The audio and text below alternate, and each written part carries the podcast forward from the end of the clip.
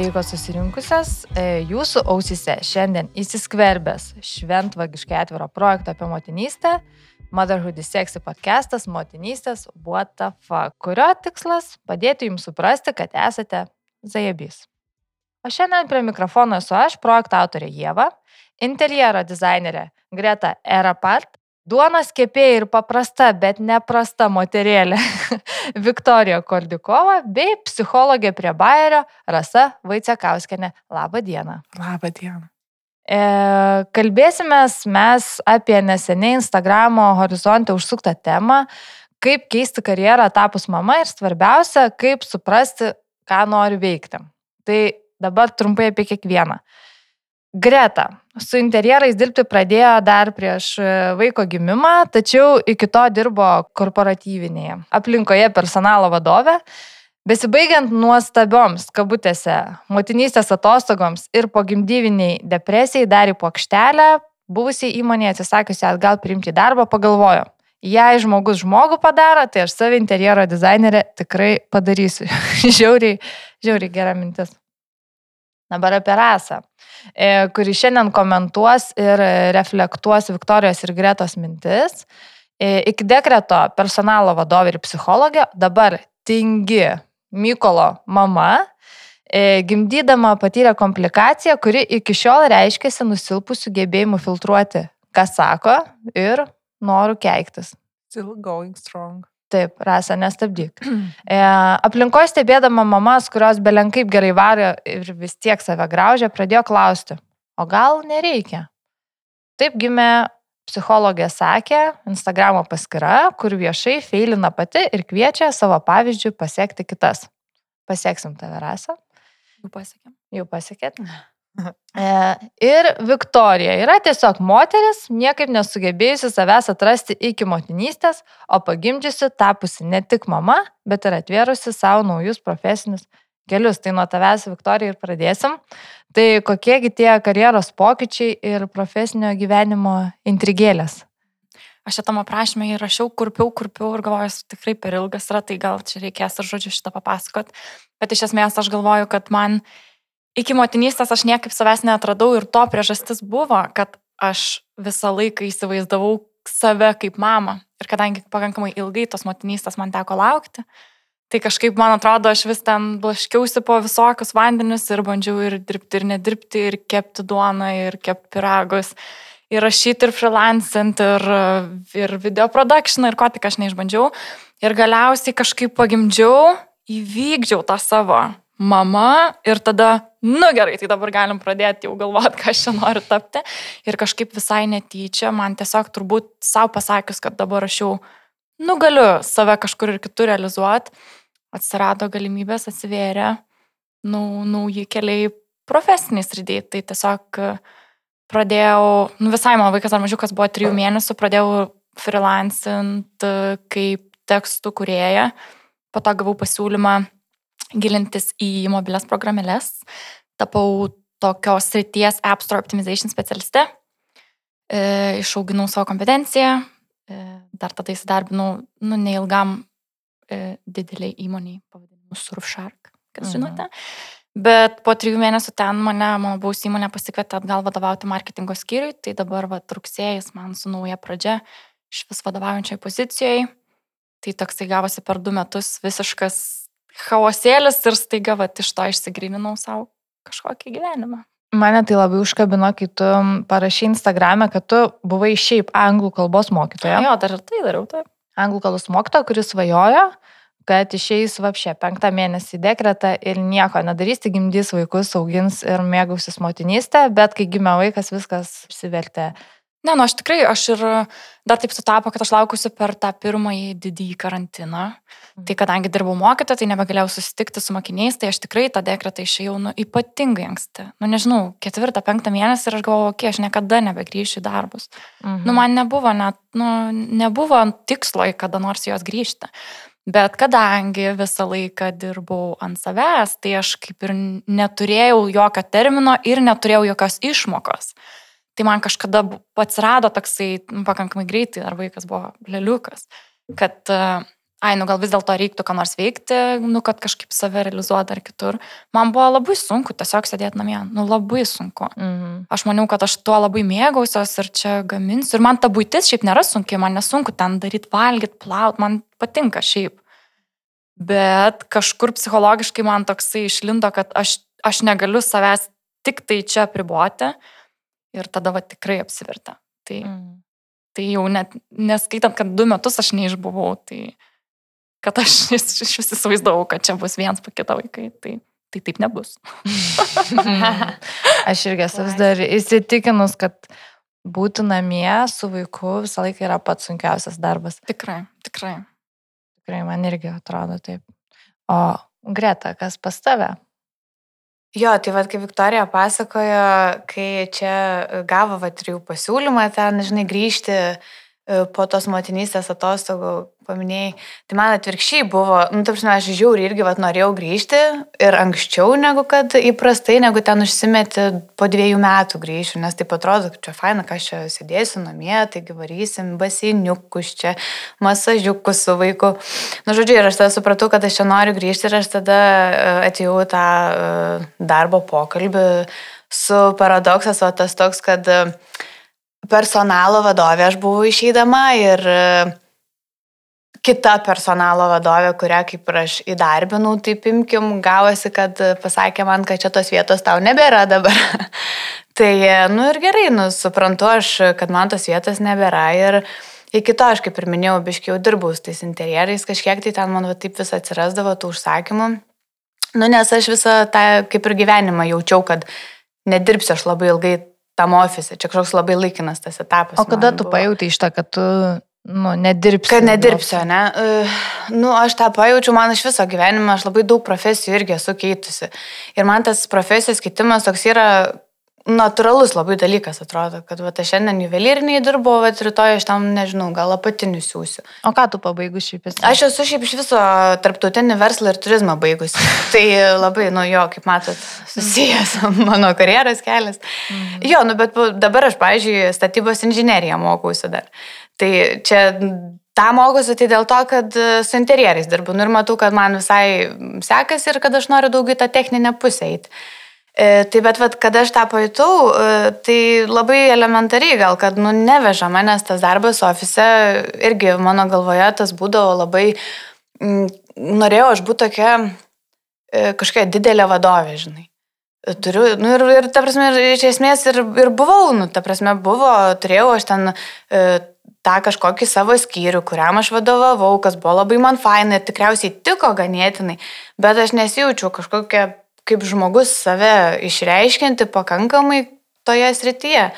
Nu ir tada pradėjau išsigryninti, kas iš tikrųjų man patinka ir pamačiau, kad nu, man tas ten pastatų konstrukcijas, ten mada tada buvo, galvoju, čia reikia kažkaip suvesti vieną vietą.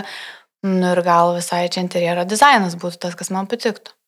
Mhm. Jo, ir aš tada mokytis pradėjau e, daug, daug ant savęs, nu, ta prasme, iš savęs mokiausi, e, iš savęs, daug mokiausi pati, mhm. Mhm. tiesiog, vat, e, iš tos prieinamos informacijos, e, kuri yra, ir tada kursus pradėjau, vienus, kitus, e, techninius, išmokau programom dirbti ir, vat, taip tiesiog, susi... tiesiog pradėjo natūraliai labai man kažkaip dėliotis, aš gal net nebūčiau ėjusi tuo keliu, jeigu man nebūtų atsiradę ant tų užsakymų taip netyčia, žinai. Mhm. Tai pas tave taip organiškai pakankamai. Nu kažkaip jo, ir aš dėl to tikriausiai ir ėjau, nes aš kažkaip matu, mačiau, kad mane lyg stumia. Nu, tai man kartais va būna gyvenime taip, tiesiog krenta dalykai taip, kaip lyg tai turi būti. Nu, va, atleido mane iš to darbo, žinai. Nu, valio, kaip ir valio, kaip ir ne, bet gal ir nieko, kaip ir Mhm. turiu dabar galimybę eiti ten į darbo biržą, užimtumo tarnybą ir ten sakyti, žiūrėkit, aš dabar bedarbė, duokit man tą išmoką, nu, nes iš esmės tas viskas kaip prakiai, tu turi laiko duoti savo, išsigryninti, ko tu nori. Mhm. Ir gyventi ne kažkokiam ten, žinai, ne, nu, nepritekliui, kad aš čia neturėsiu ką pavalgyti, bet normaliai gyventi ir pabiškai vykdyti tą savo veiklą. Čia tokia strategija. Moteris, Nu. bandykite, kad jūs atleistų iš darbo. Tada. Nu, čia gal taip nekaip skamba. Um, aš norėčiau biškai pašnekėti apie šitą e, tokį pasimetimą e, nežinojimą, ką nori toliau daryti, kas pas tave greta yra not the case, kaip sakant. O ką tu rasa galėtum pasakyti iš to, iš kaip psichologinės pusės, ką moterim reiktų daryti va tą akimirką, kai jos supranta, kad jos nori, bet jos nežino, ką toliau daryti. Aš tai gal dar atreaguočiau į, į tą, ką pasakė Greta ir Atreaguok, prašau, nes, taip. e, nes labai gyvas tas pasakojimas ir man pačiai jos pasakoja, ką jos praėjo, žinai, toj motinystėje, o aš dabar tą išgyvenu, man taip konkuliuoja viskas, nu, vat, man, aš dabar šituo gyvenu, ką jos pasakoja. Ir e, abidvi paminėjo tokius kertinius, man atrodo, du momentus. Tai gal, vat, e, ką Viktorija pasakoja apie tai, kad, e, ką Greta pasakoja apie tai, kad e, e, Iš pradžių buvo toks vat klausimas, liktais e, grįžtant į darbą jos, e, e, kas mane ims, žinai, ar vat, kad manęs neėma, tas manęs neėma, kas mane ims. Ir man atrodo, kas vat moteriams atsitinka motinystės laikotarpiu, tai tokia pauzė, bet ta pauzė tai ne ta prasme, žinai, pauzė karjeroje, bet Dievo dovana ta pauzė. Dėl to, kad visuomeniai šiaip, vat, kaip moteris tampa kažko tais. Man atrodo, kad jinai įsodinama į tokias vėžes, įtraukia ne, ne ir varo ten, žinai, tapti kažkokiu sėkmingu žmogum, kaip visuomenė tą sėkmingą žmogų įsivaizduoja. Ne, ne per daug ne, neuždavinėdama klausimų, jinai daro iš savęs sėkmingą žmogų, kad jinai gerai atrodytų, kad jinai turėtų statusą, kad turėtų gerą tašę, kad po dešimties metų Tašė susitikime, svarbu. būtinai mokyklos susitikime, jinai gerai atrodytų ir, ir visi sakytų, va štai tai pavarė. E, Ir staiga, kas atsitinka per motinystę, e, šitam visam, žinai, keliavimui tose viečiose, stop, tu sustoji ir tu pradedi savęs klausti, blemba, aš iš tikrųjų čia, čia aš savo kelią, čia mane pasodino, ar aš čia pati atsisėdau, ar aš iš tikrųjų noriu, ar čia man primetė kažkas tais, atsiranda tos erdvės klausti ir tu pamatai save kaip žmogų, nes e, motinystė labai apnuogina, žinai, tu tie visi būdai, kur veikia anksčiau ten socialiniam visam pasaulyje, žinai, kaip gražiai e, atrodyti, kaip padaryti įspūdį, kaip sužavėti, jie nebeveikia. E, nu, nes vaikas į tave žiūri ir tu ten jam, žinai, nu, nepavaidinsi. Tu esi tikras, nuogas priešais jį stovi ir tu klausi, kas aš esu per žmogus. Ir kai tu pamatai, tu nebegalėt matyti. Čia per stipru. Ir kitas dalykas, e, ką sakė Viktorija, apie tą apsivertimą, kad e, viskas apsivertė. Aš turiu tokią teoriją, nežinau, jūs patvirtinkit, čia teisybė ar ne. Žodžiu, egzistencialistai tokia yra psichoterapinė kryptis, e, sako, kad e, tas suvokimas, kad gyvenimas yra laikinas ir kad mes mirsim, priduoda tokio intensyvumo. Žiauriai suintensyvinę gyvenimą. Man atrodo, kad moteris, kai gimdo, pirmas dalykas, jos labai priartėja prie to patyrimo. Mirtis ten belekai ten kvepia. Tas kūdikis toks ležnas, tu pati ten miršti. Žodžiu, tau pakvepia mirtim. Vienas dalykas. Antras dalykas, tu matydama savo kūdikį, vaiką, supranti, kad tu esi nueinanti karta kad jisai belekaip greit auga, laikas belekaip greit eina ir tu greit mirsi. Ir tada ateina supratimas, kad čia nėra generalinė repeticija. Čia yra visit. Čia yra tas pasirodymas ir tu nesi žiūrovas, tu esi tas pats veikėjas. Ir tokia moteris, kuri šitus dalykus sujungia į vieną, jinai buldozeris yra. Aš nelinkiu niekam sutikti keli tokios, nes tada jinai nebeklausia, kas manęs norės, jinai tada klausia, ką aš pati pasirinksiu. Ir va, jinai tą ir padarė, jinai pati susikūrė. Ir jinai irgi tą Na, matai, aš nekižinau, man širpai. O man Tu pasakai apie šitą e, mirties realizavimą, nueinančią, kad aš negalvoju apie tai. Ir dabar, dabar aš nebegaliu atgirdėti šitos informacijos. Aš, žinok, irgi, vat, su, kai važiuodama čia traukiniu sujungiu šitus dalykus, man irgi šurpas ėjo kūnų. Bet, atsiprašau, bet tas, kur žinai, kai tu sakai, priartėjai gimdydama prie to, kad mirsi, tai, nu, nuoširdžiai man buvo momentas, ta prasme, kai tu jau, žinai, tam lygiai esi, kur dabar, nu viskas, aš dabar numirsiu.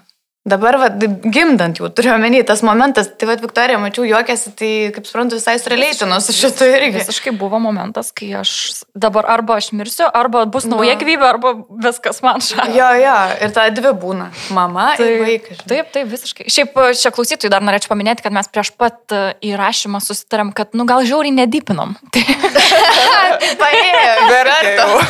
Ne, ne, mes sakėm, padypinam, bet iškart pakoverinam bairį. Ja. Jo, tai palatai, jūs pametėt mano klausimą visos. Apie tai pasakykit man, prašau, koks jausmas nežinoti, ką nori toliau daryti, Viktorija? E, jausmas tai blogas, bet jisai gal man netiek susijęs su motinystė, kiek jisai man buvo ir iki jos, ir per ją, iki kol aš nusprendžiau. Bet tu sakai, tu ilgai laukiai motinystės, Jo. tai ta prasme tas nebuvo, kad tu iš to, nu, aš nenoriu vartoti žodžio desperacija, bet to tokio bandymas tada visko išėlės. Ar tai nebuvo tavo atvejais? Nu, realiai tai nežinau, aš gal sakyčiau, čia mano buvo tiesiog asmenybės bruožas, kad aš nesitenkinau ten, kur man iki galo patiko. Tai Mm. tiesiog aš ten mokiausi vieną, tada nusprendžiau, kad gal tas rytis ne man, tada daug ką bandžiau. Tai labiau, kad e, ir tu manęs klausai dar, kai mes susirašinėjom prieš podcastą, kad e, ar aš turiu receptą, kaip suprasti, ko tu nori, tai man atrodo raktas yra pripažinti savo, ko tu nori. Ir man atrodo truputį tai Alaininas to karasa pasakė, kad kai tu supranti, kas tu esi per žmogus, tada tu savo pripažįsti, nu iš tikrųjų, ar tu nori eiti, nežinau, paprastą darbą dirbti, kur tavęs nieks nereikalauja, kur tau nereikia tapti vadovu, kur tau nereikia hus, hustle mentality, kuri dabar čia jau visur didžiosiose įmonėse tokia yra, e, nežinau. Prašau, papasakok apie hustle mentality, nes gal ne. Čia yra man kaž, mano toks vat alergija, man truputėlį kelia šitas hustle. Ka- Kas tas yra hustle? E, kiek aš suprantu ir stengiuosi neiti į e, socialinius ratus, kuriuose yra vartojama šit, šitas žodžių junginys, nu tai yra tas tavo e, polėkis, bet jisai visą laiką yra susijęs su kažkokiais pasiekimais ir užsičekinimais, žinai, ką tu padarai. Tai ar tai būtų tavo asmeniniam profesiniam keliui, ar tu įmoniai kažkokį, va, esi, va, tas hustleris. Okay. Ir mane tas truputėlį gal erzina dėl to, kad tu negali e, iš visų gal tikėtis to mentaliteto. Ir plus jisai yra toksai, nes visiškai netvarus, man atrodo, ir turbūt net nebūtinai sveikintinas. Nu, nėra, kad aš jau džiaugiuosi, kad e, miegu keturias valandas per parą, nes esu po to išgeriu ten kokį protein shake ir čia aš varau iki pietų, per pietus dvi valandas sportuoju. Nu, nežinau, nežinau, kiek čia mes laiko taip pa- paveštume visi. Tai aš kažkaip e, šito O mentaliteto. kaip tau atrodo, kodėl žmonės išsivysto tokį mentalitetą, iš ko tas yra? Mm, nu, manau, kad gal tai truputėlį tapo sveikintina pas mus visuomeniai. Nu, tam tikrose lygmenyse, man atrodo, tam tikram amžiaus tarpsnė ir tam tikrose socialiniuose ratuose turbūt. Tai, bet čia dar irgi turbūt daug, čia labiau ne apie tai, ką tu darai, o tai e, kiek apie tai kalbi. Nu, Mm. nes tie, kurie labai mėgsta pasigirti, kiek visko pasiekė ir kokia jų dienotvarkė ir kaip e, pabandykit ir jūs. Dėl to, kad man tai veikia, tai čia... Jūs irgi galit viską suspėti. Taip, taip, būtent. Tai aš tai, pavyzdžiui, negaliu, nežinau. Bet gal ir nenoriu. Ok, o tu greta, spėjai viską, turi hustle mentality. Žinok, jo, aš vat, gal, tarsi, čia neatsakymas tas jo. Turiu menį, kad aš pagalvojau, kad tas hustle mentality, tai to aš gal nevartoju taip tiesiogiai, bet e, žiauriai aš tą jaučiu, net ir ant savęs, žinai, aš galvoju, aš turiu čia, žinai, vieną darbą, vieną vaiką. Ir tas darbas, kur ten man net leidžia, gal, žinai, baigti anksčiau, ten ketvirtą vakare, ar ten kažkada pas... Nu, taip, žinai, laisvas grafikas, tu neturi kažkokius įspraudimų rėmus ir aš vis tiek, kaip ir atrodo, nieko nespėju. Tai ką tos, ten, nežinau, mamos su trim vaikais daro, tiesiog man tok, vat, vis laik tas klausimas kyla. O dėl to spėjimo ir dar to sveikintinumo, gal aš, tipo, tipo galvojau, vat, kai Viktorija kalbėjo, kad O nėra taip, kad, nu, tipo, mes tą biškį ir, ir neįgiam savo, kad, nu, iš esmės tai ir, nu, yra tas sveikintina. Nu, kodėl, va, ir mes dabar kalbame, ne? Nu, čia nėra gal tas hustle, čia aišku yra labiau atradimas, ką tu nori gyvenime daryti ir tu tom patenkintas esi ir nebesivaržai pats su savim. Bet e, vis tiek, nu, kaip ir, nu, kietai, ne, va, kad dabar mes darom tą, ką darom. Ir, ir žiūrint, kaip tu į tai pažiūrėsi, nes čia irgi yra kažkoks tas pasiekimas. Tai vad, mm, atsakant į tą klausimą, ar aš spėju, tai e, tikriausiai e, aš spėju tiek, kiek man reikia. Man būna tų dienų, kur aš atsibundu ir žinau, kad aš, žinai, nieko nepadarysiu šiandien. Tiesiog jaučiu, kad nieko nepadarysiu, nu ir gerai, ir aš nedarau. Bet kažkaip ne, vis tiek mintysė yra kažkur pasąmoniai, kad, e, nu negerai dabar, kad tu čia taip sėdi, turi Mhm. dirbti. Tai va, aš norėjau paklausti, ar tu lengvai susitaikai su ta mintimi, kad aš šiandien nepadarysiu. Ne, man tai šudinai, pavyzdžiui, man iš viso yra net ir tas, kai tu sakai, koks jausmas e, nežinot, ką daryti. Tai e, prastas jausmas žiūri. Nes tu, ta prasme, toksai, žinai, atrodo čia visi, vat, ir tas visi, tai tas kažkoks socialinis ratas, turi kažkokias tai sėkmingas karjeras, ten, žinai, gal kiti tos karjeros neturi, bet keliauja, ten Tipo, o tu toksai nežinai, ką nori daryti. Man atrodo, čia toksai etapas, kurį reikia praeiti kiekvienam, nes man atrodo, kad jisai vėl ateina, toksai rotuoja. Tu tipo darai, darai, darai kažką ir jis pargrįžta vėl ir tu gali vėl nebežinoti, ką tu nori daryti. Mhm. Nes e, čia yra, tu tik tais tada supranti, kaip, tipo, nu žinai, čia kaip pasiekė tą savo tikslą, čia kaip ir svajonę turint tu ją išpildai, ne, ir supranti, kad e, gal čia net ir nebuvo tokia didžiulė ta mano svajonė, dabar kitos jau reikia. Mhm. Bet e, rasa, į tave kreipiuosi. Ar tas nežinojimas, ko nori, yra būdingas tik motinystėje? Nes man atrodo, kad galbūt e, dažnai taip atsitinka, bet čia tikrai nėra tik su tuo susiję. Ne, nesijauskit vienišos ir labai išskirtinės ir ypatingos šitoje vietoje, absoliučiai čia kalbam bendrom, Ačiūras. bendrom nežmogiškom tiesom. Iš vis, man atrodo, tas žinojimas, parodyk man žmogų, kuris žino viską, žino, ką jis nori daryti e, ir aš sakysiu, tai, nu, kaip ir nukeliavai savo kelionę jau galėtum, jau, žinai, ir baigti gyvenimėlį. Man atrodo, kad, nu, tokios dvi realizacijos, žinai, kurios labai išlaisvino šitoje vietoje. Tai pirma, kad tas žinojimas nėra galutinė stotelė. Neįmanoma, kad jinai būtų galutinė stotelė, nes keičiasi aplinkybės ir keičiasi pats žmogus. Pirmas dalykas. Tai yra procesas, absoliučiai viso gyvenimo kelionė. Tu ieškai visada, e, ką tu nori daryti. Tu atrandi, tu vėl ieškai. Tai tą prieimus kažkaip, žinai, lengviau per tą kelionę, žinai, keliauti ir ten kažkaip tais, e, jo, to galutinio tikslo kažkokio tai neieškoti rasti. Ir man, žinai, dar toks iš viso labai e, faina realizacija buvo ta, kad tas žinojimas, ką tu nori daryti, kas tu apskritai esi, kam tu priklausai, nu toks, žinai, vat, aš žinau, vat, kad čia mano, kad čia aš, kad aš priklausau, jisai neturi absoliučiai nieko bendro su tuo, ką tu darai. Neturi nieko bendro su tavo pareigom, su tavo profesija. Čia yra viduj tas jausmas, supranti, kai tu susi, toks kažkoks susikonektina tavo mintis, mhm. emocijos ir tavo kūnas ir tu jauti, kaip čia, va, užkabino, čia mano. Ir tu taip iš vidaus labai pajauti, žinai, tikrai, bet tu negali išoriškai pasakyti tų dalyko. Ir kartais baba, kuri augina, žinai, burokus, ten, nežinau, kūktiškėse kaime, kur vasaras leisdavau, gali tą jausmą žymiai stipriau jausti, negu kad jau. Baba labiau gali būti susikonektinta. Taip, ne, taip, taip. Neištaškyta jo. visuomenės. Jo, ir tas hustle labai, žinai, susijungia tada, jeigu tu eini iš tos pozicijos, kad čia mano, aš žinau, mane veža, aš tikiu, aš, aš galiu kovoti šitą.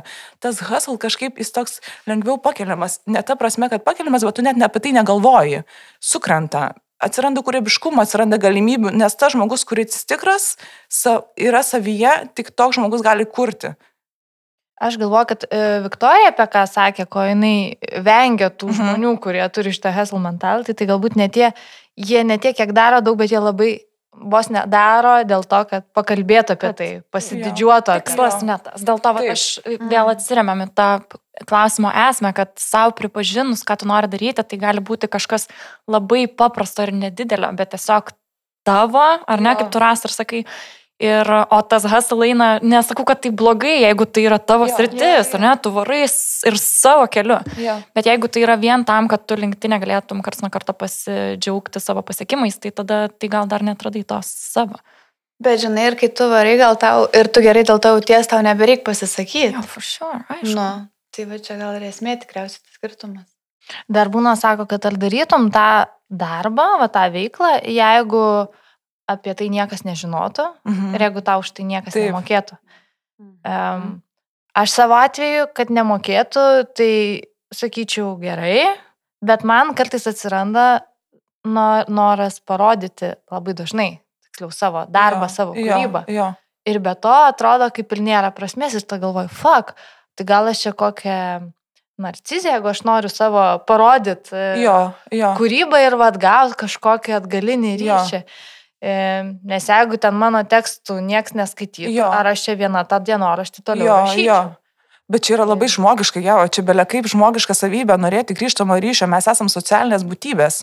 Mm. Mes, mes gyvi esam tuo, kad kitas žmogus sureaguoja į tai, ką tu darai, tai čia labai sveika. Mhm. Ir netgi to atlygio, žinai, vad prašyti, čia vad grįžtant turbūt ir į gretos tą, žinai, tokį, žinai, kas mane ims ir, ir kokia mano čia alga, žinai, kaip aš įgrįšiu, kai tu eini iš tos pozicijos, kad čia mano, aš kietas, aš žinau, kad čia šito nieks nenukonkuruos, mhm. tai tu esi drasus ir prašyti tų dalykų, kokių tu esi vertas ir to grįžtamo ryšio, ir tų pinigų, kažkaip viskas taip organiškai, žinai, eina taip, tas procesas.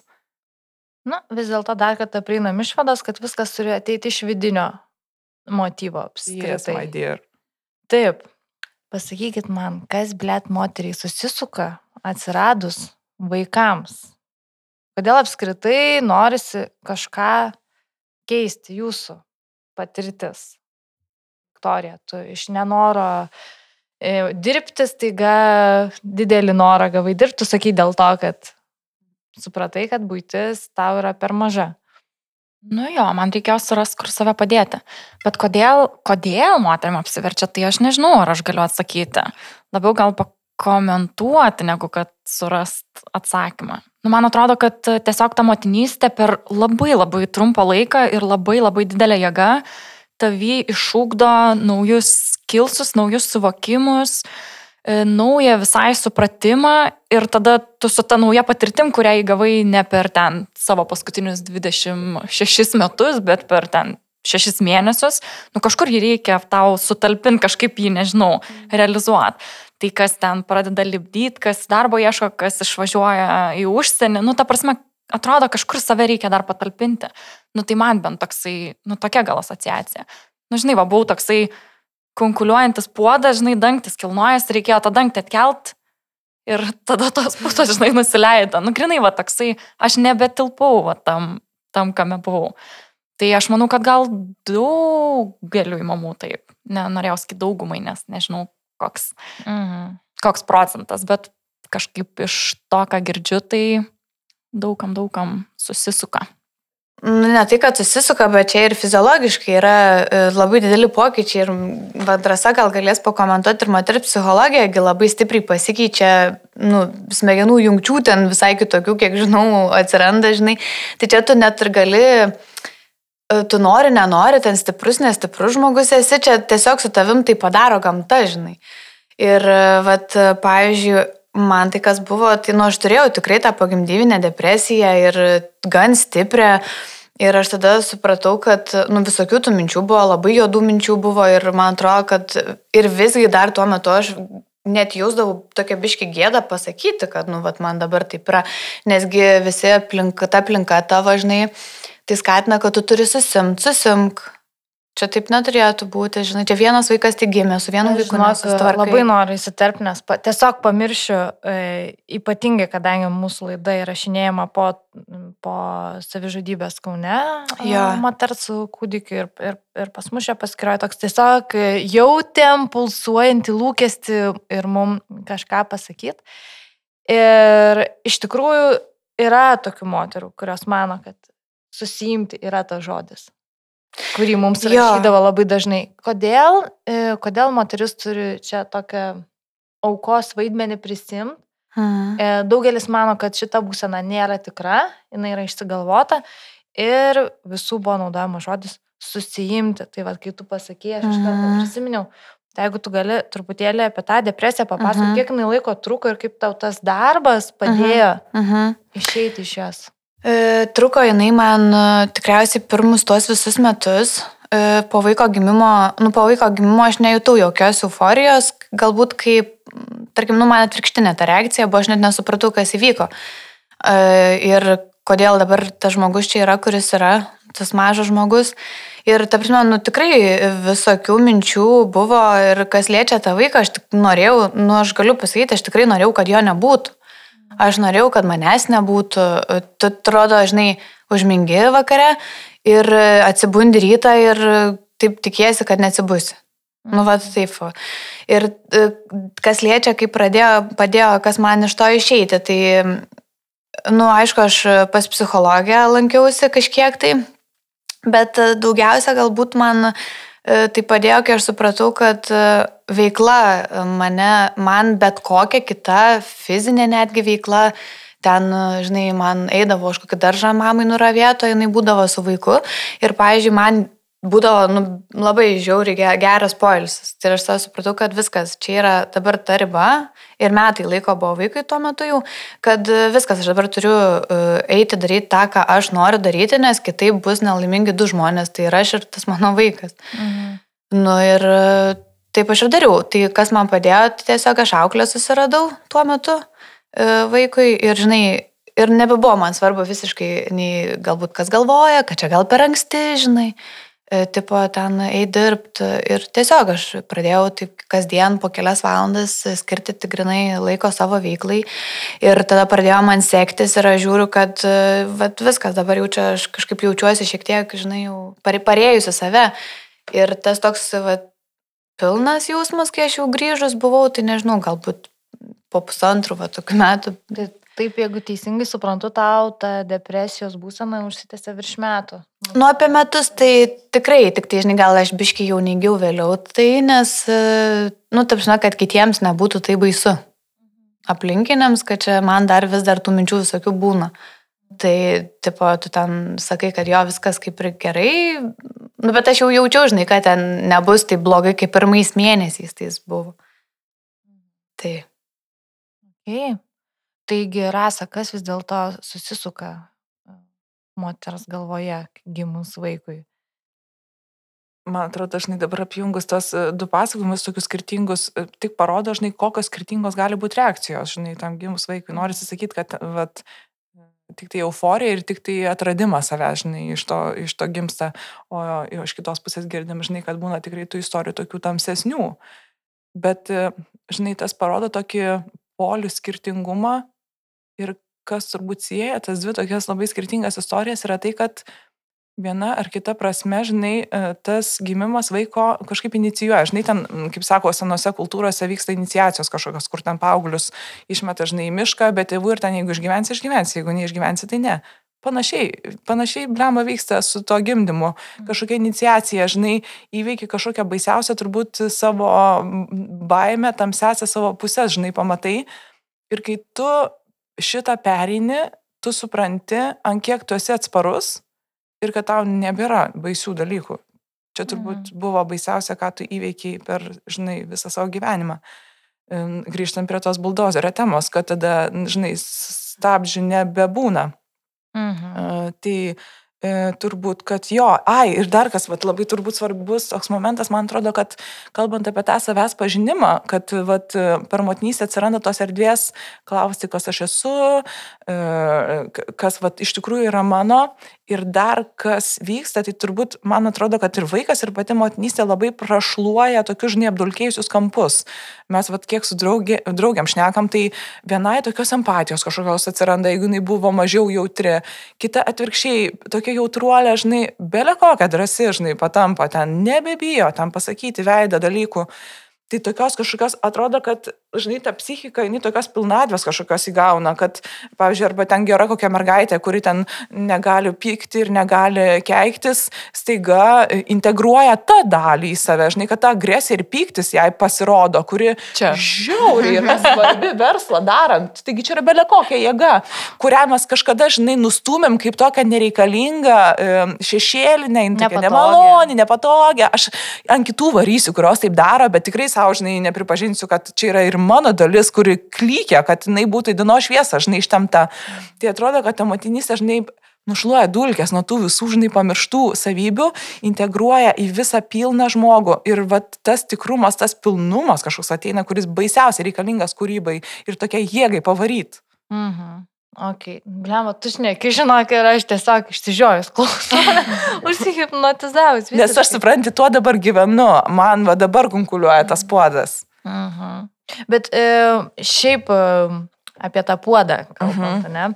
E, ar manot, kad apskritai keist profesiją, čia gal net ne, nu, ne motinystės, taip užsiciklinant etapu, bet ar turi būti kažkokios charakterio savybės tam tikros, e, kažkoks spontaniškumas žmogaus įgimtas, žingeidumas, kad, pavyzdžiui, man greta atrodo, kad jinai tokia, nu, iš to žingeidumo visą laiką eina į kitas profesijas, ar kažkokie šeiminiai pokyčiai. Nu, tas psichologinis lūžis, tai prilyginam motinystėje. Ar e, žmogus kažką turi iš savęs turėti, kad jisai drįstų taip kardinaliai keisti? Ar čia tik tai gyvenimo susikloščios aplinkybės pagrindė? Nu, aš tai vat, gal pakomentuosiu, biški, e, nežinau, kiek charakterio savybės gal kažkiek yra, nes tos drąsos vis tiek reikia gal turėti. Bet aš dar galvoju, kad e, į tą darbą reikia žiūrėti, nereikia taip rimtai į tą darbą žiūrėti. Nes, e, nu, vat, vis tiek čia yra tik mūsų darbas. Taip mes labai didelę laiko dalį tam praleidžiam, bet tai nėra kažkoks dalykas, kuris mus e, apibūdina, taip žinot, kad tai ir yra mes, tarkim, vienintelis dalykas, kuris mus apibūdina. Dėl to aš kažkaip vat, dažnai galvoju, kad tam žmogui, kuris jaučiasi, gal ten 20 metų dirba žinai tą darbą, jam gali būti sunkiau, nu, tikrai bus sunkiau keisti negu ten, kas e, penkis metus tu gal nusprendi, kad va, aš dabar noriu kažką kitą daryti. Tai čia ir charakterio savybė, bet man atrodo, čia yra dar ir biškitas leidimas, neleidimas savo užsibūti vienoj toj vietoj kažkiek tai. Ir dar vienas paskutinis, čia nežinau, gal biškiau nukrypau, bet e, labai toks elementarus dalykas, kad viskas pasidaro darimo būdu, žinai. Tai vad, jeigu tu galvoji daug metų, ta, iš to 20 jau kokius 3 metus galvoji, kad aš noriu keisti, tai blogiausia, kas atsitiks, nu tau nepavyks. Ir viskas. Tau nepatiks tas rytis, į kurią tu perėjai. Nu ir, ir čia nieko tokio, tu gali grįžti ten, kur tu buvai. Tu mhm. visada gali sugrįžti, bet tu, žinai, nepabandęs, tu niekada negalėsi įsivertinti to. Mm. Gal žinai, bijo dar žmonės to nusivylimą, nes aš įsivaizduoju, kad daugelis gyvena tą fantaziją, kad, jo, oi, aš čia būčiau, nu, tarkim, floristė, Taip. dabar sėdžiu bankė, bet aš tokia būčiau floristė ir jinai kiekvieną dieną Taip. svaiginasi tą Taip. romantiką ir galbūt tas realus žingsnis įėjimas ir galvo, fuck, jeigu man nepavyks, aš nebeturėsiu tos fantazijos kažkokios, aš manau, gal dar daug žmonių mėgsta taip. Jo, žinok, čia tikrai turėtų. romantizuoja labai, gal mhm. žinai, kad aš, jeigu būčiau tas ir tas, tai kokia laiminga būčiau. Nu, tai nežinai, vien dėl to.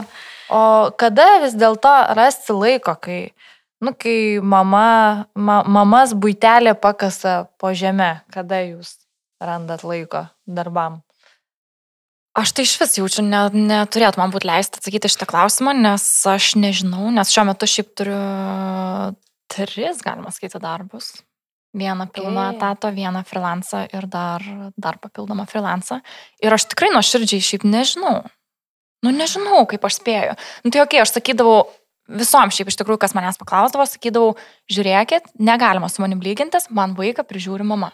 Nu, ta prasme, kaip į darželį. 8 ryto nuvedam, 5 pasiimam, visas kitas laikas yra mano darbui, kai vaikas nueina mėgoti, kas man lieka, aš sėdu prie stalo ir darausi. Kiek e, amžiaus dabar? Dabar jam 2. 2. Dabar jis pradėjo eiti į darželį. Tai dabar mano gyvenimas tiesiog yra, dabar jau aš galiu, nu, žinai, lyginti su mamam, kurios turi dvi medžius ir irgi veda vaikį darželį ir dabar tikrai to laiko pasidarė gerokai mažiau, dėl to, kad jisai nebėra visą laiką savo saugojo aplinkoje, jisai dabar adaptacija, dabar yra chaosas, dabar namie yra, nu, aš nebegaliu namie ten E, paskaityti sleko, ta prasme, aš namie turiu skaityti Alkaną vikšrelį. Ir visą laiką turėdavau, bet dabar ypatingai, ypatingai. Tai aš tikiuosi, kad tas laikas praeis ir vėl, nu, kaž, kažkaip aš jo daugiau atrasiu. Bet iš tikrųjų, tai čia viskas yra tiesiog iš, iš didelio noro, va to kažkaip save išpildyti. Nu, aš tikrai galėčiau atsisakyti kažkiek, nu, kelių tų veiklų. Bet kažkaip aš dar, vat, nepasiryžus, kažkaip man atrodo, kad dar man jų reikia, kad save pilnai išpildyčiau. Uh, Tai, tai to laiko, nu nėra, nu nėra, nėra jo daugiau negu pas, pas kitas. Kažkaip tu turi multitaskint maksimaliai. Einu į darbą septintą, padeda vyras, vyras veda į darželį ir tu derinės. Tai... O tarkim, kai tu uh, būni su vaiku, jau vaiko yra laikas, mm. ar tu galvoji dar vis mintimis esi prie darbo reikalų? Ne, ne, visiškai. Yra uždaromos duris, ir tada vėl atsiranda darbas tik tai, kai jisai nueina mėgoti, pavyzdžiui. Tikrai, nu dar plus jisai išsireik labai yra atkaklus žmogus mhm. ir tikrai jisai neleistų man ten nei kompo atsidaryti, nu, nei, nu nieko, tikrai, tikrai ne. Tai yra visiškai grinai susegmentuotas laikas ryte, tada aš turiu savo laiką, kai jisai yra prižiūrimas ir tada vėl, vėl esu aš. Mhm. Nes Kitaip nebus. Ok, o pas tave greta? Aš tik dar norėjau, vat, Viktorijos paklausti, vat, pavyzdžiui, tas yra laikas, sakai, dirbu, tada yra tarpas laiko ir tada vėl eini dirbti, bet tau to pervargimo nėra, vat, pavyzdžiui, šitai pariant, kad, žinai, nu, tu neturi, vat, gal kažkada. Aš šiaip toks esu pakankamai jautrus žmogus, tai man dažnai būna toksai, kad aš nebegaliu. Nu viskas, palūšiu, viskas nebegaliu, Mhm. viską mėsiu, nieko nebegaliu. Nu bet tada kažkaip e, aš jau daug tokių nebegaliu, esu gyvenime turėjus ir žinau, kad po jų vėl ateina tas, ai, nu gal viskas gerai ir vis dėlto galiu. Tai tas perdegimas, e, jo, bet jisai man labiau emocinis negu fizinis.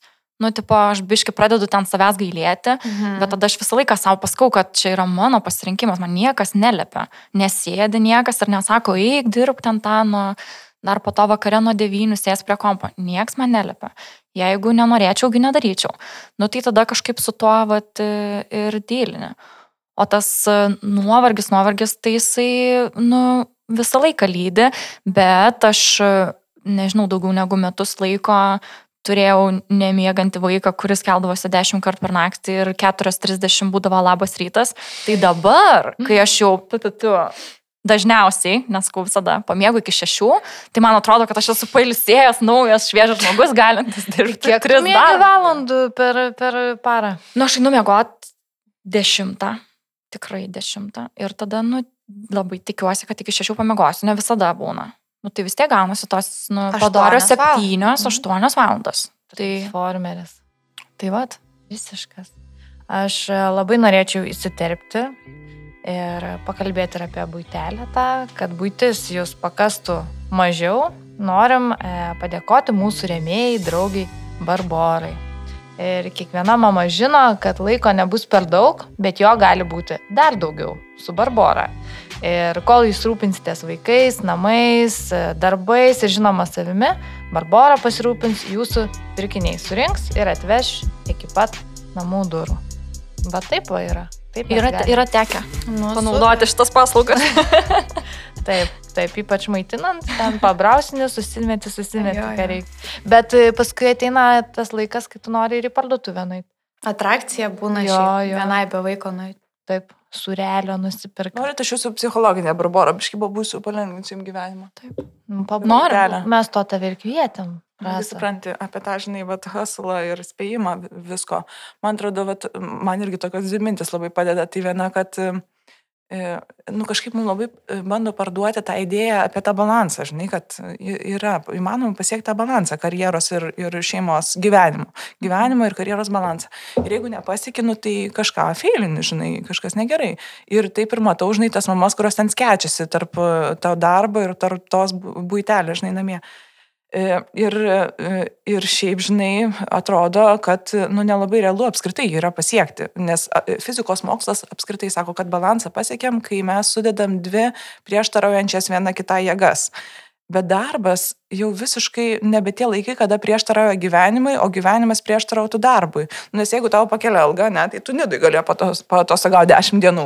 O jeigu tau šeimoje kažkas miršta, jo, Geras tryzas jau. geriau, jau išsinė. Ne infliacija. Tik tai- Gal jo, gali jo, nusipirkti kavos nidoje. Nu, o jeigu, žinai, šeimoje tau gimsta vaikas, tai tu visai kitoks žmogus, žinai, darbė tada būni.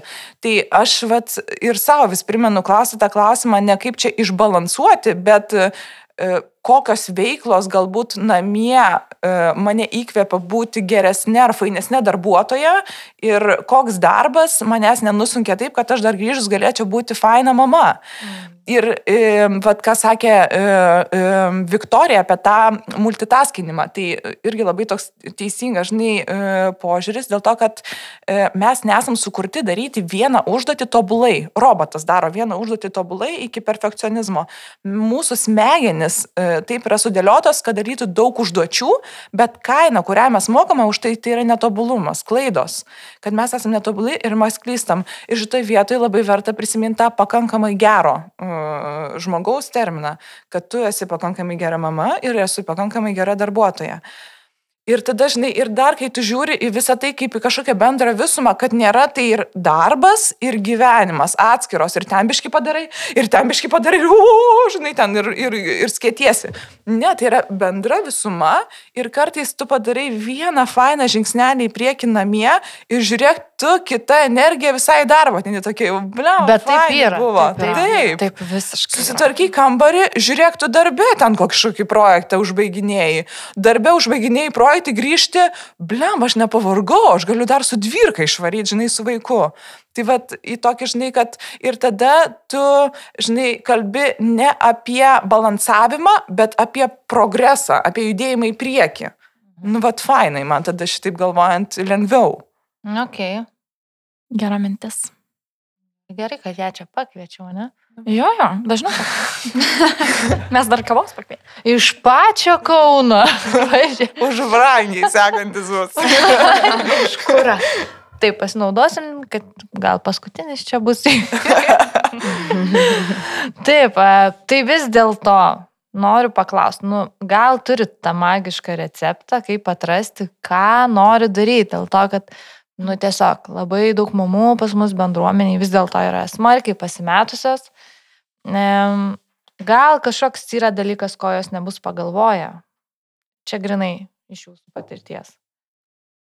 Na, aš tai manau, reikia pradėti nuo drąsos. Sakyt, gerai, dabar aš turiu nuspręsti, ką aš noriu veikti. Nu, arba noriu nuspręsti. Noriu suprasti, sužinoti.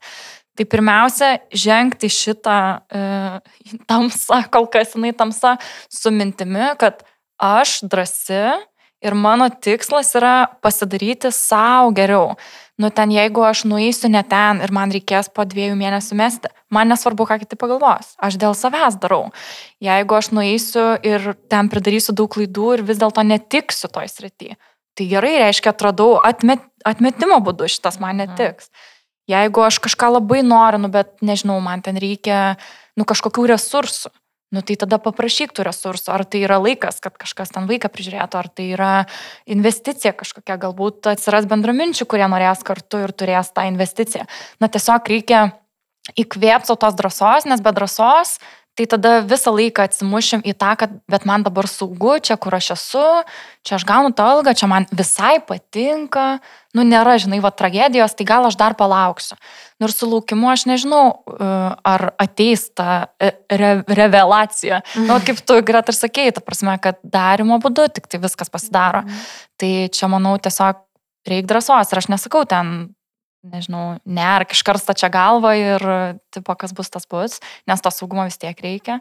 Bet tiesiog savo, savo pasakyti, kad, nu, nes dėl savęs, darai dėl savęs, tai vadinasi, turi būti drąsi dėl savęs. Čia mes su draugė, žinok, kaip tik diskutavome per seniausiai apie šitą e, laukimą, kol pas tave ateis kažkas. Mm. Ir aš sakiau, kad e, aš visą laiką norėčiau būti tas žmogus, pas kurį ateina dalykai. Nu, tu tiesiog gyveni ir tau šast vienas iš vieno šono, šast kitas, nu, nes tu tiesiog esi faina ir tau ateina. Bet aš sakau, kažkaip išmokau būti nagla ir supratau, kad, nu, dėja, dėja, bet be naglumo ir drąsos paprašyti, tu eini ir prašai. Ir įsijungi tokį poker face, užsimeti, ką atsakys, tą atsakys. Bet aš turiu, aš jaučiu, kad aš turiu paklausti. tai va tas naglumas um, visai kartais praverčia. Jo, čia ta drąsa gal ir yra mhm. toksai naglumas, drąsa. Ir jo, šiaip tas uh, gal net ir būna, kad tu bijai eiti, žinai, tikrai tu viduje tai jauti, kad tu bijai ir ten tą profesiją keisti, iš darbo išeiti, pajamas prarasti. Bet aš tai vis tiek sakyčiau, kad reikia tą padaryti. Nu, aišku, nelikti ten visai ant nulio, gal ten, žinai, dviese gyvena šeimoje, gal galite savo leisti tiesiog ten porą mėnesių pagyventi iš vienos algos. Nu, ta prasme, tiesiog, nes ten tas nelaimė, tas toks jausmas e, šūdinas viduj, kad tu esi ne savo vietoj, tai toli irgi nenuvežinai, nes tu jeigu taip visą laiką jausiesi, tai geriau pabandyti.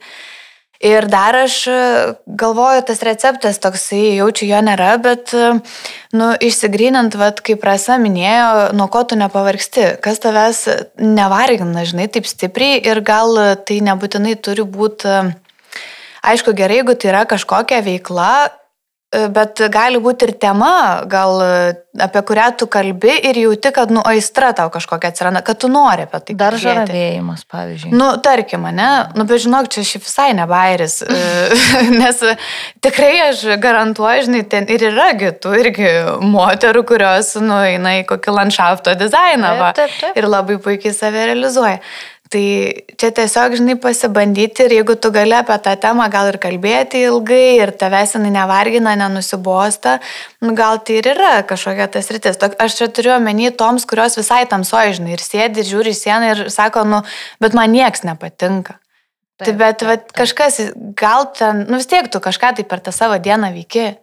Ten piragą kepi, nežinau, valai namus, ten dar Arba kažkas. pagalvoji, bet oi, kaip būtų gerai, Jo. jeigu ir kas tas jeigu. Nu, arba būtų? taip, taip, kad va, jeigu būčiau princesė, tai... Jo, nes, e, vat, pavyzdžiui, mano pažįstamų rate tai yra moteris priejusios tokį tašką, kur jos e, turi labai stipriai pasverti tam tikrus kriterijus. Ar dabar imam paskolą ir statom namą, nes auga vaikai ir jiem reikia, e, žodžiu, vietos ir taip toliau, nu tie visi, žodžiu, dalykai rimti, suaugę, brandus. Ir yra kitas, kad plema, bet aš žiauriai noriu eiti mokytis arba daryti avantūrą. Ir Jo. ką man tarp šitų rinktis, tai aš tai aišku, manau, kad visą laiką, e, jeigu tave daro laiminga veikla kažkokia, o ne materialūs dalykai, tai, nu, eik ir bandyk. O ten tada tas finansinis gerbuvis, nu, jisai Jo. atsiras, nes atrodo, jeigu tu pirmą save sukiši į finansinį gerbuvį, tai tu tuos kelis metus, kol tas namas statysis, tu būsi papilkėjus visiškai. Netemps ilgai. Na nu, ir dar neaišku, kaip tą namą, žinai, irgi seksis statyti su tokiu ten vaibu viduj. Ir O vaibus yra svarbu. tai žiauriai ir, ypa, ir namai labai svarbu yra, ta prasme. Čia Kaip interjero- dizainerė kalba. Čia šį, ne, nu. Jo, čia. Nu, išsivalti. Jo, jo, pabandysiu dabar jau. Ne, iš tikrųjų, tai čia žiūri, sako, du dalykai. Tai yra, žinai, kas pakeičia labai santykius poroje, tai namų statyba ir vaikų gimimas. Mhm. Tai dėl ko aš tą sakau, nes tai kai tu sakai, ten du metus dabar statysim namus, vadinasi, tu lieki tam darbė, tai ir tu pasilaido į save dabar tiem dviem metam. Bet tas, kad tu, žinai, stabiliai būni ten finansiškai, tai gali būti, kad tu ten, žinai, ir išsiskirsi ir galiausiai gal ir tą namą reiks parduoti ir tu vis tiek būsi nelaimingas. Tai va, tą reikia įsivertinti būtinai, nes psichologinis, ma, mano čia požiūris toks yra, kad psichologinis e, tavo gerbuvis yra daug svarbiau bet kurio gyvenimo aspektų negu kad finansinis. Nu, jeigu ten turi už ką pavalgyti, vadinasi, jau yra gerai. Mhm. Nu, čia, čia mano tiesiog gal požiūris. Gal. Rasa, jūsų prašom komentaras. Aš atleiskit, aš žinokit, galvoju, gal aš neišsimegojus naktį, nes aš paraleliniai kažkokioje visatoje gyvenu, bet man vėl tokia metafora. Man atrodo, kad mes moteris, šiaip žmonės. E, Žmonės ir moterys? Jo, žmonės ir moteris, taip. Ilgimės to tokio, žinai, tos rojaus kažkokios būsenos, žinai, kur atėjome iš mamos gimdos, kur paduoda maistą, šiltą, gerą, viskuo pasirūpinta, tu esi. O, Mhm. Mes žiauriai norim iš šitą sugrįžti. Ir mes galvojam, e, žinai, kad pasieksim tą, va tada tai bus. Mhm. Žinai, ir mes bereikalo outsourcinam tą jausmą vėl, gal susigražimkim vidų mes jį, nu, ne nuo to priklausys, kad tu pasidarysi kažkuo tais, gali būti, kad neteis tas jausmas ir tada bus dar blogiau, nu, nes tavo tas lūkestis jisai duš, žinai, Mhm. ir tada tikrai labai liūdna. Tai sumažinkim lūkesčius. Maži, ma, darbas yra tik veikla, čia tik viena dalis tavo gyvenimo. Vien, viena dalis, dar yra daug kitų žymiai svarbesnių. Kartais, kaip tu skaniai valgai, tau teikia žymiai daugiau malonumo, negu kad žinai, ką tu pasiekiai darbę. Tai paprašiau biškai dalykų žiūrėti, bet šiaip, e, jeigu taip jau atsakant pakankamai konkrečiai, koks tas žemėlapis galėtų būti, žinai, vad kaip atras, kas šitas mano, tai irgi vad atliepiant, ką merginos pasakė, kad tokie du skirtingi poliai. Vienas tai savęs klausti, kas mane veža, kur aš labiausiai savim jaučiuos, kur atrodo, kad galėčiau krūtinė, žinai, stoti prie šitą dalyką. Ir kitas visai atvirkščias, kas mane labiausiai gazina. Eina savo, kur vidurius paleidžia pagalvojus. Mhm. Žinai, vad kur tikrai drebu. Bet jaučiu, kad tada, kai tą darysiu, aš galbūt jausiuosi ir vienišas, ir iš manęs juoksis, bet aš būsiu toks gyvas. Tai va, žinai, kažkaip bandyti atsakyti, kas yra tas dalykas, pirmin. Tai ta baime lygų gyvybei, nu, tam tikrą prasme. Jo, jo, Kad tau slepia rūpi. didelį potencialą kažkokį tais. O tu bijai, aišku, kad tu bijai, nes rizika didžiulė, žinai, o kokia e, rizika atmetimo, kad kiti atmes, kad kiti pasijuoks, o mes socialinės būtybės žiauriai, mums reikia to pritarimo, pritapimo.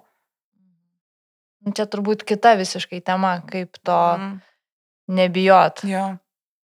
Taip, nu jūs čia padypinat gerai. O kiek kartų nusiverkėt duše ir gailėjotės savo sprendimų ir, ir kokių? Aš tai negaliu tiesiog atsakyti šitą klausimą, nes aš nesuskaičiuočiau. Nes aš neinu į dušą. Aš, ne, aš neturiu kada nueiti į dušą.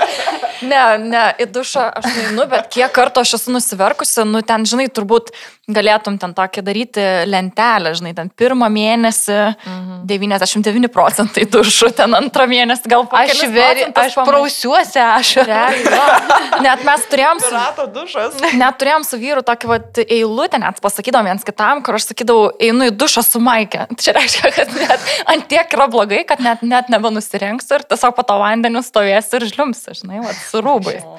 Tai tiesiog, tai jo, ir iki šiol būna, nu, ta prasme, iki šiol būna, kur turi, turi savo, save išliet kažkur. Tai, tai aš, nu, nežinau, čia nėra tik tai, kad uh, viskas apsišvietė gražiom spalvom ir staiga aš visur save atrasiu. Ne, tai yra lydima nuolatos ir kalties jausmo, ir, ir nuovargio, ir kažkokių nusivylimų, ir baimės tos pačios, kaip čia, kaip čia aš ar pavešiu. Ir, ir aš nuviliu dabar čia tą žmogų, ar jisai supranta, kad man čia reikia. Nu, vat, kas yra teisinga dabar, ar aš galiu tik apie save galvoti. Ir jeigu aš ten dirbu ir darau, ar čia tikrai, aš, ar aš čia savanaudiškai, ar aš čia vis dėlto dėl visų gerovės. Nu, yra daugybė tų klausimų, aš kartais net bijau jos paklausti savęs. tai, tai jo, nusiverkimų mm, ir buvo, ir yra.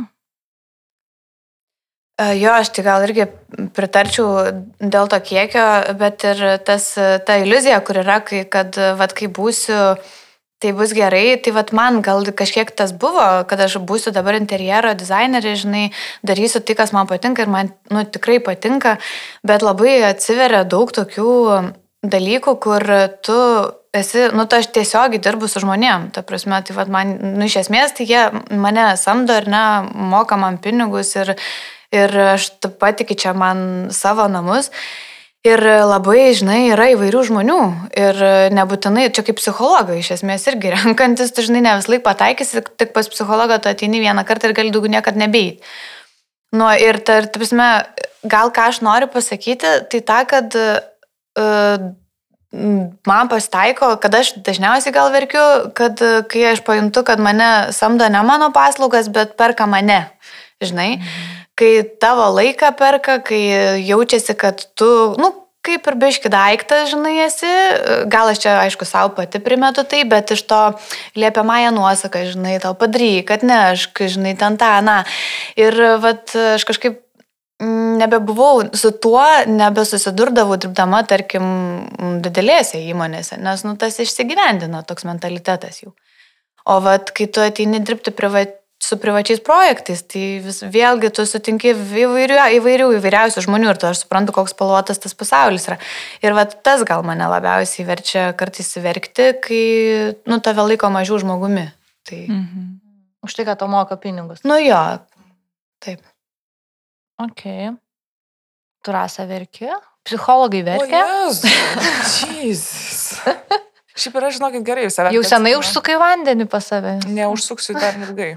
Atsimenu, žinai, kaip tik prisiminiau spontaniškai per, per studijas, studijų laikų profesorė pasakojo viena, kad buvo toks atvejis, kai žudėsi žmogus, įsivaizduok, vyksta ten veiksmas, e, žmogus ant tilto stovi, žinai, e, pasiruošęs nušokti, ten policija greitoja viskas, žinai, ir jinai ant ragelio, žinai, ką daryti, ką daryti, nes nespėjo atvežti, man atrodo, jos, ar kaip ten, kad, žinai, telefonu su psichologu, ką mums daryti, jis iššoka. Ir jinai, žinai, ten e, instruktuoja, ką daryti ir sako, ką jis daro, ką jis daro. Ta žmogus, žinai, kur stovi ant tilto, sako, jis verkia. Ir jinai sako, ačiū Dievui. Viskas gerai, žodžiu, nenušoks. Tai verkit. Sveika. Geras. O tai kas yra sėkmingas žmogus? Jūsų definicija. Grinai. Jau supratom pas Viktoriją, kad ne hustle mentality. Ne, čia labiau gal aš tai paminėjau, kad savo padėkim ir nenueikim to keliu, kur savęs, iš savęs reikalausi, žinai, per daug tai, dėl to hustle. Bet Mhm. šiaip sėkmingas žmogus, nu, čia kiekvienam turbūt individualu. Kas tau? Kada Tai va, kas, kas, tarkim, tau. Jo. Tai kiekvienam individualu, tas sėkmingas žmogus, nu ir jo definicija. Aš nežinau, ar aš savo esu tai apsibrėžusi, man atrodo, gal tas su laiku ir keičiasi. Ir, nu, jeigu manęs šiaip vat paklaustų, ar aš dabar manau, kad aš esu sėkmingas žmogus, tai tikriausiai negalėčiau pasakyti iki galo taip, nes vis tiek yra, nu, manau, kad dar yra daug laiko, kada aš galiu to sėkmingu žmogum tapti, tai viena, o antra, tai aš vis tiek e, nėra, kad kiekvieną dieną nueinu miegoti, galvodama, va, dabar aš jau čia šitą darbą turiu ir čia ir šeima, viskas tvarkoja, tokia darna, tokia ramybė. Tai gal kada nors, jeigu tai pasieksiu, jeigu tai įmanoma, turbūt, kad ne, tai gal ir būsiu tada savo sėkminga. Tai aš manau, kad tiesiog, mm, nežinau, kai nustosiu save graužt, kaltint ir per daug kažko iš savęs reikalauti, tai tada galėsiu sakyti gal, kad vat, dabar jau sėkmingai susitaikiau su savo visais vidiniais įnoriais ir užgaidom savo. Pati savo viską, ką iškeliu. Tai kol kas gal dar nepasikiau, bet šiaip negaliu pasakyti, kad feilinu. Tai gal ir gerai viskas. Okay. A, Aš tai apie tą sėkmingą žmogų, tai gal savo netaikau to visai, bet e, man atrodo, žmogus tas sėkmingas yra toks, žinai, kur patenkintas ten, kuris yra ir nebijo pripažinti to netobulumo, kaip Rasa minėjo, kad e, nu, mes ne robotai esam ir yra tų, žm- to žmogiškos klaidos, bet e, dar sėkmė man yra ta, kad tu visą laiką visgi statai žmogų aukščiau negu darbą. Nu, visa, visame kame ir savo gyvenime irgi. Tai man, pažiūrėjau, tikrai yra sėkmingas žmogus, kuris gali be jokios sąžinės grūžaties pasakyti, žinai, dirbau produktyviai, tam pavariau ir dabar aš, nu, va, tilsėsiuosi visą vakarą ir aš tipo, dėl to nejaučiu jokios kalties. Nu, man apskritai, man malonu matyti žmonės, kurie uh, nepastato, tapšana, kuriems darbas nėra vienintelis jų kažkokia savirealizacija. Nu, bet gal tas man yra sėkmingas žmogus, toks, žinai, kur Daugelypas. Nu jo, toks, kur nebijo. Gal tai nėra tas balansas, vat, kai Rasa minėjo, kur ten, žinai, labai mūsų visuomenė stumia į tą balansą tarp šeimos, darbo. Bet gal ir yra iš esmės. Tai, kad yra darbas, bet yra ir gyvenimas. Ir tie du dalykai, jie turi vieną šalia kito. 50-50 taip eiti, žinai. Tai Okay. Ką jūs manote, psichologė? Baba, kuktiškėse, kur buroką augina. sėkmingas žmogus. Mhm. Ir džiaugiasi to buroku. Panoramą pažiūrė, eina mėgo ramiai. Turbūt ramybė, ne? Jo. Mamo, Ramybė lygų. Aš visiškai, žinok, suprantu, nes, bet, tarkim, kaip Viktorija sakė, na, eina mėgoti ir jinai galvoja, nu, tipo, gal ne, ne tai, kad nesidžiaugia, bet nepagalvoja, kad, o, kokia čia darna pas mane. Visą laiką atrodo, kad kažko biški trūksta. Mhm. Biški, bet 5 procentų, kad ir kiek paperforma, parlum, ta žodis, 5 procentų trūksta. Ir atrodo, ta ramybė yra va tas toksai. Plis. Bet ar jaunas žmogus gali jausti tokią ramybę, ar čia tik tai tikėtis ties pensija? Kai tu viską daug pamatai ir tu, supra... tu vis žinai didesnį paveikslą pradedi matyti. Gali, bet žinai, metais. net reikia žinot, kur ieškot. Nu, ne išoriai ieškot, tikrai. Mm. Praktika turbūt. Iš viso, dvasinė praktika, sakyčiau, tai yra.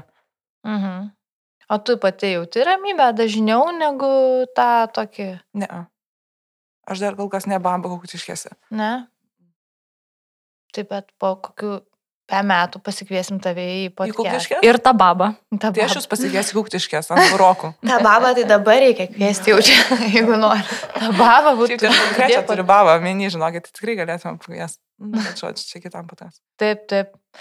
Gerai, pabaigėliai. Po vieną jūsų motinystės WTF, tai tik klausytam priminsiu, mūsų motinystės WTF tai toks dalykas, kuris galvojat, kad jo nebūna, kai atsiranda vaikai, o jau kai tampat mamomis, vis dar nesuprantat, kaip toks reiškinys gali egzistuoti. Tai prašome, papasakokite savo WTF'us. Na nežinau, ar visiškai atitinka šitą motinystės vatafaka prašymą, bet mano tokia didžiausia, gal e, didžiausias atradimas, e, tai tokia su, šiokia tokia priešistorė. Iki kol tapau mama, didžiausias mane užknesantis dalykas iš draugų buvo pasakymas, kai turėsi vaikų, suprasi. Ir aš, kadangi ilgai mes negalėjom susilaukti tų vaikų, mane tai belia kaip trigerindavo, nes aš galvodavau, nu, ta prasme, aš noriu dabar suprasti, nu, tipo, ne, nu, nepilkit druskas ant žaizdos. Ir tada gimė vaikas ir supratau, kad tu patem, pat, patam, patenki į kažkokį nerašytą klubą atskirą, kur yra tėvai ir yra netėvai. Mm. Ir tą jaučiu visose socialinėse situacijose. Bet darbe. iš tikrųjų tie pasauliai yra du skirtingi. Visiškai, visiškai, visiškai yra. yra. Ir dabar aš nesakau, bet visada pagalvoju, kai turėsiu vaikus prasi. Dėl to, kad tai yra du atskiri pasauliai. Ir jeigu žinot tą memą apie boomerius, kur ateina bičias su full capu ir skeitų tipo, ką čia jūs jaunimėlis, tai va aš taip jaučiuosi darbe, nors tikrai esu amžiumi jauna, bet realiai aš, nu, Tipo, hei, hei, tai ką čia veikiam, tai ką čia šiandien ir aš galvoju, kad jūs žinotumėte, ta prasme, kad aš ten naktį šešis kartus kėliausi ir glošiau nugarą, kad, nu, ta prasme, aš jums net, net nepradėsiu sakyti, nu, čia yra kitas pasaulis. Tai man čia buvo didžiausias vatava, kad iš tikrųjų tu pat, patenki į visiškai kitą sluoksnį ir, ir kol nepateks į tą sluoksnį, tu nesu. Ar tu nejauti tokio, nežinau kaip čia lietuškai, despise tiem žmonėm, kurie Nu, mm. ateina ir, o, blemba, žinau, kokia kava mano nefainai padarė kofeinę. o tu gal, plėt, aš tos kavos savaitę neturėjau laiko išgerti. Va, ofise gal bėgs kokia, žinai, ten. Nu jo, aš žinok, nejaučiu to, dėl to, kad aš pati buvau tas žmogus, mm. ar ne? Nu, aš buvau žmogus, kuris e, freelancindamas, dirbdamas iš namų, ten po kelias valandas per dieną, vakare, šeštą valandą galėdavo atsisėsti ant sofos ir sakyti, kaip pavargau, eina savo, tipo, kokia aš pavargus, nu nebegaliu, ten apsiverksiu, kaip pavargau. Ir dabar aš žiūriu į tą Viktoriją prieš ten penkis metus ir galvoju, eina savo. Ta prasme, kiek tu užaugai. Tai ir jie, ir jiem bus tai. Ateis jų laikas. Ateis jų laikas. Tas vien šių valandą. Nu, ne, bet jie nuspręs, kad neišauš. Tai nu, čia jo. irgi viskas su to tvarkoja. Ai, bet neišaušta tokiem žmonėms. Nu, ta prasme, jie... Nu. Naikintokius reikia. Taip. Tai prašau, Greta, tavo motinystės UTF. Aš tai žiauri, žiauri, Viktorija, suprantu, nu, tarsi, šimtų procentų žinai visą širdim tame, ką tu irgi pasakėjai, bet man dar toksai, vat, mano UTF tai buvo per gimdymą net gal įvyko taip kardinaliai, nes aš iki gimdymo labai jam ruošiausi ir ten, žinai, jogą lankiau, naturalistiškai gimdysiu, tikrai tik tai pati, su muzika, žvakiam, žinai, čia kaip viskas pas mane bus. Uh, jo, čakrom atvertom ir man gavosi viskas kardinaliai kitaip. Ta prasme, ten kas galėjo atsitikti, tai viskas absoliučiai atsitiko, ten reikėjo man ir skatinti, ten baisiai ilgas gimdymas buvo. Nu, žodžiu, e, kad e, gal ką aš noriu pasakyti, kad mano mintyse būdavo, man tai taip nebus ir viskas tau bus ir viskas tau įvyko. Mes net su draugiam žengiam, žinai, kad reikia išstatiruoti, mums tą man tai taip nebus, nes e, tu be moment, kai tai pasakai, tai tau tas ir atsitik, žinok. tai mm. šitas man gal. Okay. Aš turiu istoriją, bet brema niekam dar nepasakau, net savo vyrui nepasakau, ant kiek man buvo baisu. Mm. Tai jūs žinokit, bus, busit pirmusios išgirdusios. Tarp manęs ir mamos šitą istoriją yra kol kas buvo. Bet gavau leidimą pasakoti, tai galiu papasakoti. Okay. Žodžiu, nupiešiu vaizdinį. Mano kūdikiai 3 ar 4 mėnesiai ir aš nusprendžiau atnaujinti terapiją. Žodžiu, mes ten susitarėm laiką, kada jis ten, žinai, kad miegotų, kad būtų pavalgęs, kad miegotų. E, jau aš ten viską susirašiau vaiką, einu į terapiją, stumiu tą vežimėlį, tokia, jes, jau man ten tos istorijos, žinai, per burną verčias, ką aš pasakosiu, kurias pasakosiu ir kur nepasakosiu, nu, ten žodžiu, bet taip. Mama iš kitos pusės irgi ruošęs, pirmas anūkas, pirmą kartą palieka jai valandą laiko, pasiemi į kompaniją, ten savo pusės yra, žodžiu, viskas ok. Frontas yra. Frontas yra laikys, čia viskas bus gerai. Atiduodu vaiką, žinai, nueinu į terapiją, laukiu 5 minutės, 10 minučių, nėra, žinai, neteina. O, galvoju, žinai, pamiršau, parašau, vaikas susirgo, sako, visiškai iškrito iš galvos, nu, pamiršau. Nu, tiek to, žinai, galvoju. Nu, bent pinigų, žinai, sutaupiau, tai nes kainuoja. Įkišu ranką į kišenę, pamečiau, beidama, žinai, grinai įsidėjau. Ok, galvoju, nu gerai, e, e, pamirškim šitą. Einu, žinai, jau ten pas vaiką sakau, mama, aš ateinu, nes, žinai, pamiršo terapija, nėra terapijos. Ateinu e, ir vaikas kažko, žinai, ten verkalioja trupučiuką, bet kažkaip neėmu, žinai, galvą sakau, tai pasivaikštum dar trupučiuką, žinai, aš jums čia papasakosiu, va kaip čia atsitiko, žinai, nebuvo terapijos, ar pinigus pamečiau, tai what the fuck, žinai. žiūriu, skuba jos kažkur tais. Sako, ai mes jau eisim. E, Galvoju, nu tai gerai, gal jūs reikit, užmačiau dar savo kaimynę, kaip tik pamačiau kaimynę, mano su leliuko eina. Sakau, tai jūs varykit, aš einu pasivysiu kaimynę ir mes kartu grįšim. Nu, einu prie kaimynės, labas, sakau. Sako, labas, sako, blem, aš žinau, ką, ką tik mačiau, tu neįsivaizduoji. Sako, ir dar galvau, kad tu, žinai, nesu to pačiu vežimu. Sako, "E, vaikas matyt pradėjo verkti ir, ir, ve- e, ir ta mama, žinai, jinai pasiemė ir jinai pradėjo bėgti su to vežimėliu, žinai, ir jinai nuraminti turbūt jį norėjo, ir jinai tai pradėjo lakstyti su jo ratais. Ir tu supranti, ir, ir tas vežimėlis, jis taip, wow, ir išvirto vežimą.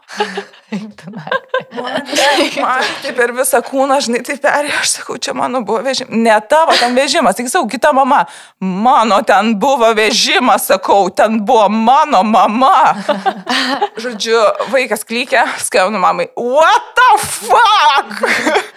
Tai va, tai grįžau namo po šitokio fuck, suskaičiavau kaulus, e, vaikas sveikas, gyvas. e, Skirybom nepasibaigs šitą istoriją. Oi, nu ką, tai ačiū už jūsų vadovą.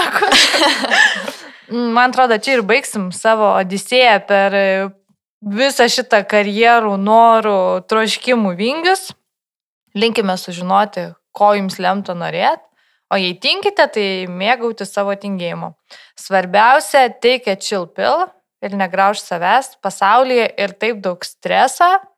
Iki kitų kartų, o beje, kol e, neuždarėte šito podcast'o, mes jums leisime paklausyti Skirmantės Langels sukurto repo gabalo mūsų praėjusiam Miss Festui ir iki kitų kartų.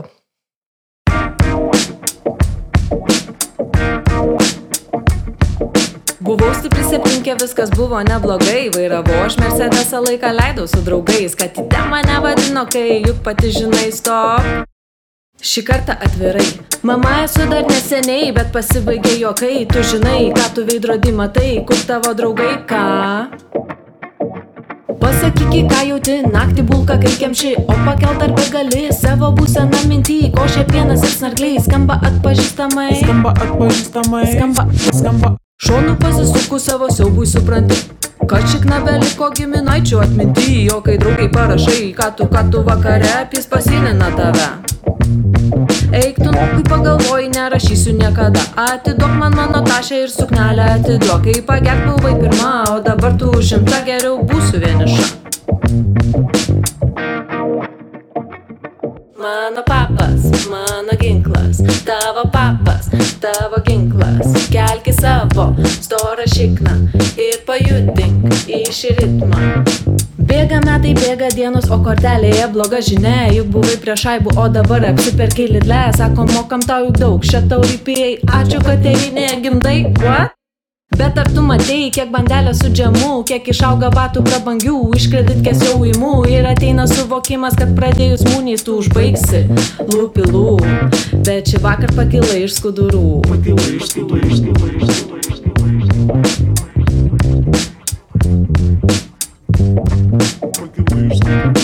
Darbas, seksas, pinigai, tik kažkaip tau atvirkščiai, darbas kompas ir stiklai, kol suspėt bandai, hipsteris kolega žolę pučia papiečiais, o tu trauki pieną pasislėpus vakare. A?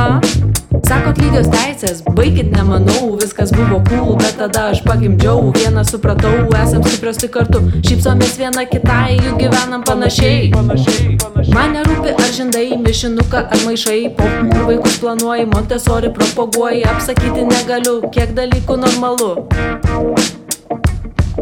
Stresas, karas, vis tiklai, viskas čia tik laikinai ir te lieka palinkėti, nepames savęs per nie. Per nie, per nie, per nie, per nie. Mano papas, mano ginklas, kaip ir noriu, taip rimuoju. Mano papas, mano ginklas, kelki savo storą šikną ir pajudink į šį bytą.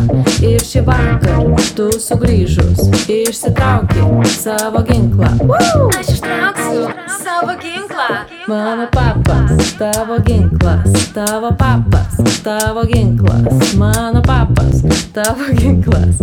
Aš ištrauksiu savo ginklą ir įdarbinti savo papuką.